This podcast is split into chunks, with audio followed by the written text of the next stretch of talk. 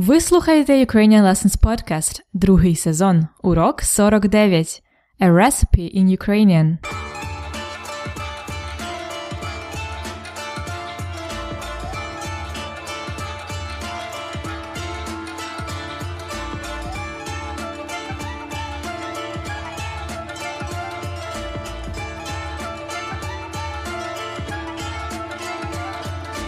Привіт! Це Анна, ваша вчителька української. Як ви? Я чудово. Ви любите готувати? Я дуже люблю готувати українські та європейські страви. Я часто готую вдома. Наприклад, зараз ранок, і на сніданок я готувала омлет, а вчора я готувала овочевий суп. Зазвичай я готую прості страви. Моя мама навчила мене багато, вона дуже смачно готує. Я попросила мою маму записати для вас голосове повідомлення і розказати вам, як готувати одну українську страву. А також ми будемо вчити сьогодні більше про родовий відмінок бо ми багато вживаємо родовий у рецептах. Ви готові до уроку? Почнімо. So I asked you at the beginning if you like to cook, готувати. Готувати is a verb that can mean either just to prepare or to cook. I said that I love cooking and I often cook at home, usually прості страви, simple dishes like soup чи омлет, I mentioned my mom who taught me a lot. Actually, I asked my mom to teach you how to cook one Ukrainian dish. I asked her to record голосове повідомлення, a voice message, for you. I was sure she would use a lot of the genitive case as we use it a lot in the recipes. То ви готові до уроку? Are you ready for the lesson? Почнімо. At first, let's talk about the quantities, the essential part of any recipe. In Ukraine we use грами і кілограми, літри і мілілітри. Грам, повторіть. Грам. For those of you who use a different metric system, one ounce is about 28 grams. Одна унція це 28 грамів. Кілограм, повторіть, кілограм. Sometimes uh, informally we just use кіло кіло. Один фунт це майже пів кіла. One pound is almost half a kilo. Also, літр, літр, мілілітр, мілілітр. Добре. Коли ми говоримо про рецепти, ми часто використовуємо ложки і склянки. Ложка це spoon. Є столова ложка, tablespoon, столова ложка і чайна ложка, teaspoon, чайна ложка. Склянка це a glass. Склянка. Добре? А зараз ви будете слухати рецепт. Рецепт сирників. Сирники is a Ukrainian dish, a common breakfast in Ukraine.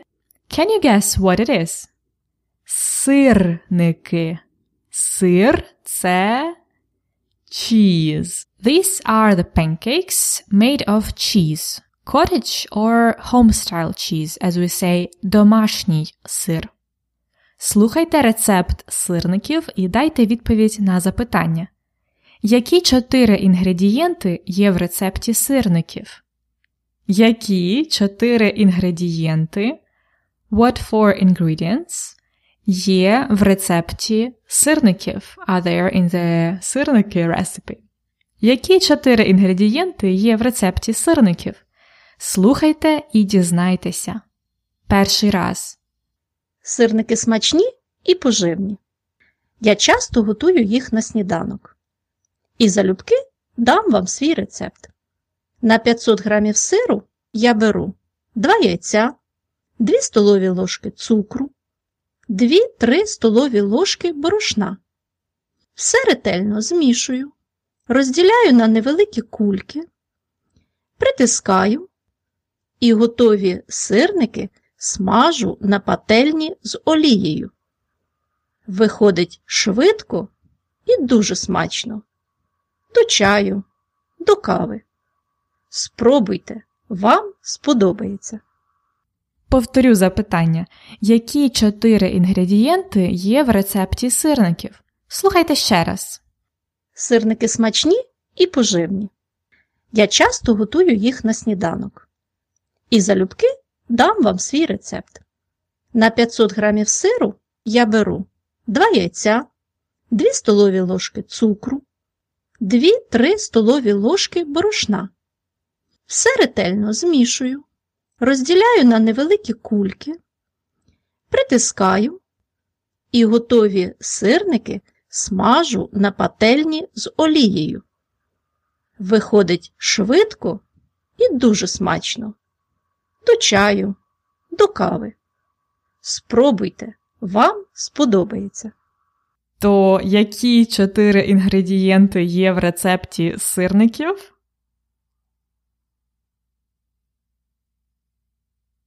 Номер один. Один це сир. Звичайно, сир у сирниках. 500 грамів сиру. Два. Інгредієнт 2. Яйця. Два яйця. Два яйця. Eggs. Три. Цукор. Цукор. Дві столові ложки цукру. Sugar. І чотири борошно. Дві-три столові ложки борошна. Flour. Тому чотири інгредієнти це сир, яйця, цукор і борошно. Добре? So, how was the rest of the recipe? I guess it could get confusing in the second part because my mom wasn't really choosing the easy words for you. so, let's look quickly at the steps of recept. Step one was все ретельно змішую. I mix everything carefully. Ретельно. Змішую. Mix. It has a different word order. Все ретельно змішую. Like all carefully mix. Розділяю на невеликі кульки. I divide. Розділяю in small balls. Невеликі кульки. Притискаю. I press. І готові сирники смажу на пательні з олією. I fry the ready сирники на пательні on the frying pan з олією with oil. Again, the word order is jumpy here. yes, we do that in Ukrainian. We put the object at the beginning sometimes. As my mom said, готові сирники смажу на пательні з олією. Although it's also fine, it's good to say я смажу готові сирники на пательні з олією. So either word order is good. My mom said пательня на пательні. Я смажу на пательні. Fry on a frying pan. Пательня is a frying pan, but it's more like a dialect. It's used in some regions of Ukraine. Also in my region, in Khmelnytska Oblast, mostly in the villages and small towns. And the more common word for frying pan is skovoroda. Повторіть. Skovoroda. Or people often say skоворідка. Сковорідка. Добре. Now let's get back to our favorite topic, genitive. Родовий відмінок. As I said in the beginning, this case is often used in the recipes for one simple reason. One of the most common uses of the genitive is quantity. You should remember this very well. So when you want to say two glasses of wine or a kilo of ice cream, instead of that of in English, again we use the genitive case in Ukrainian. Let's hear again some examples from the recipe. На 500 грамів сиру я беру 2 яйця, 2 столові ложки цукру, 2-3 столові ложки борошна. So 500 грамів сиру. 500, 500 грамів genitive. Грами is plural from masculine грам, so we use the ending «ів» in genitive. Грамів. Дві ложки цукру. cukru. Cukor is masculine uncountable, so in genitive it has the ending u. Dvě ložky cukru. Dvě ložky borošna.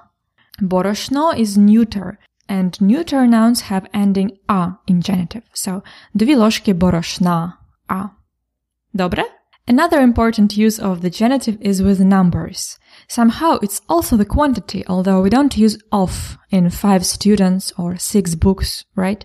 But it's still the quantity. And here is something very important. We use the genitive plural not with all the numbers, but with the following ones. From 5 to 20 and all the numbers that end in a digit from 5 to 9. So it's not 2, not 3, not 4, and not any other number that ends with 2, 4, or 3.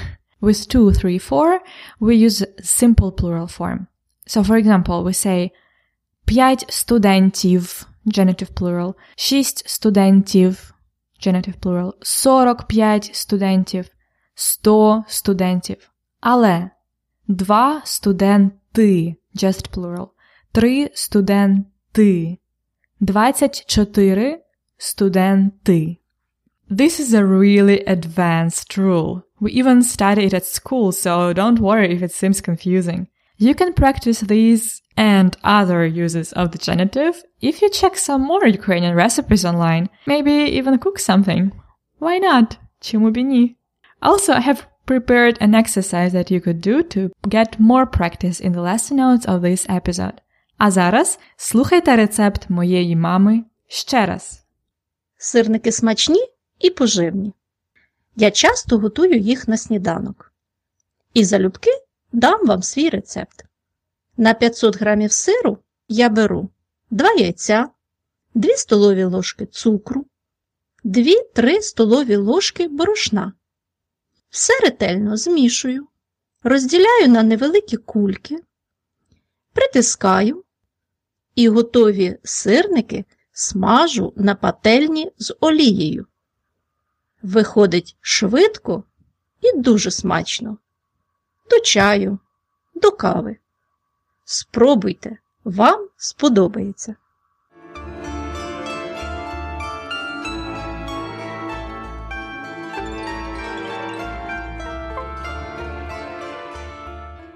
Let's practice using the genitive with the quantities. I say, for example, 2 кілограми і картопля. And you have to put it together to make genitive. Добре? Почнімо. 2 кілограми і картопля. 2 кілограми картоплі. Угу. 1 літр і молоко. 1 літр молока. Кілограм і сир. Кілограм сиру. 5 і кілограм.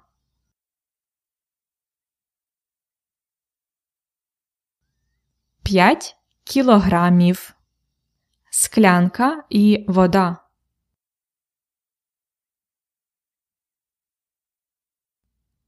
Склянка води. Столова ложка і цукор.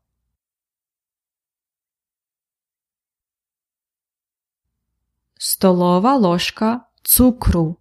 Or air drops in the masculine in the cases.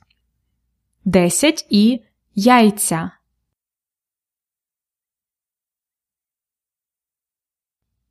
That's a tricky one. Listen. Десять яєць. Яєць. Яєць. Яєць is eggs in genitive plural. Повторіть. Десять яєць. By the way, that's how we usually sell and buy eggs in Ukraine. By 10. 10 яєць. Чудово! As always, you can find the detailed tables of using the genitive and more practice in the PDF lesson notes of this episode.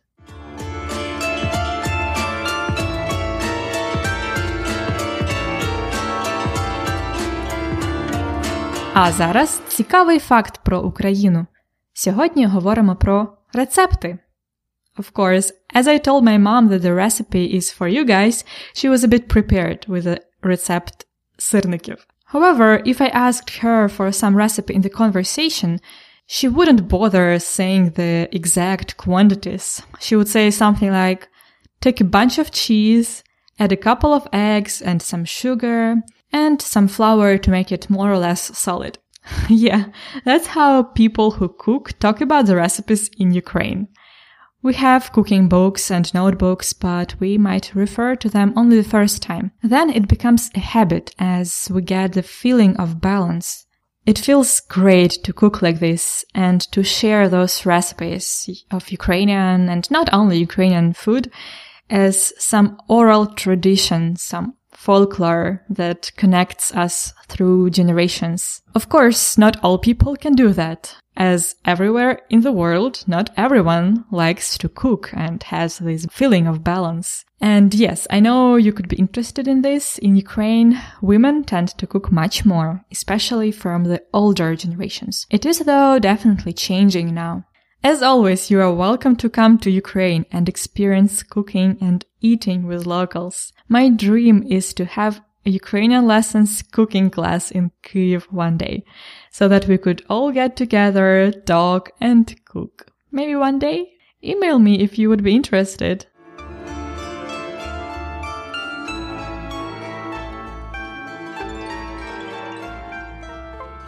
Це все. That's all. We have finished this lesson and the genitive case exploration for now.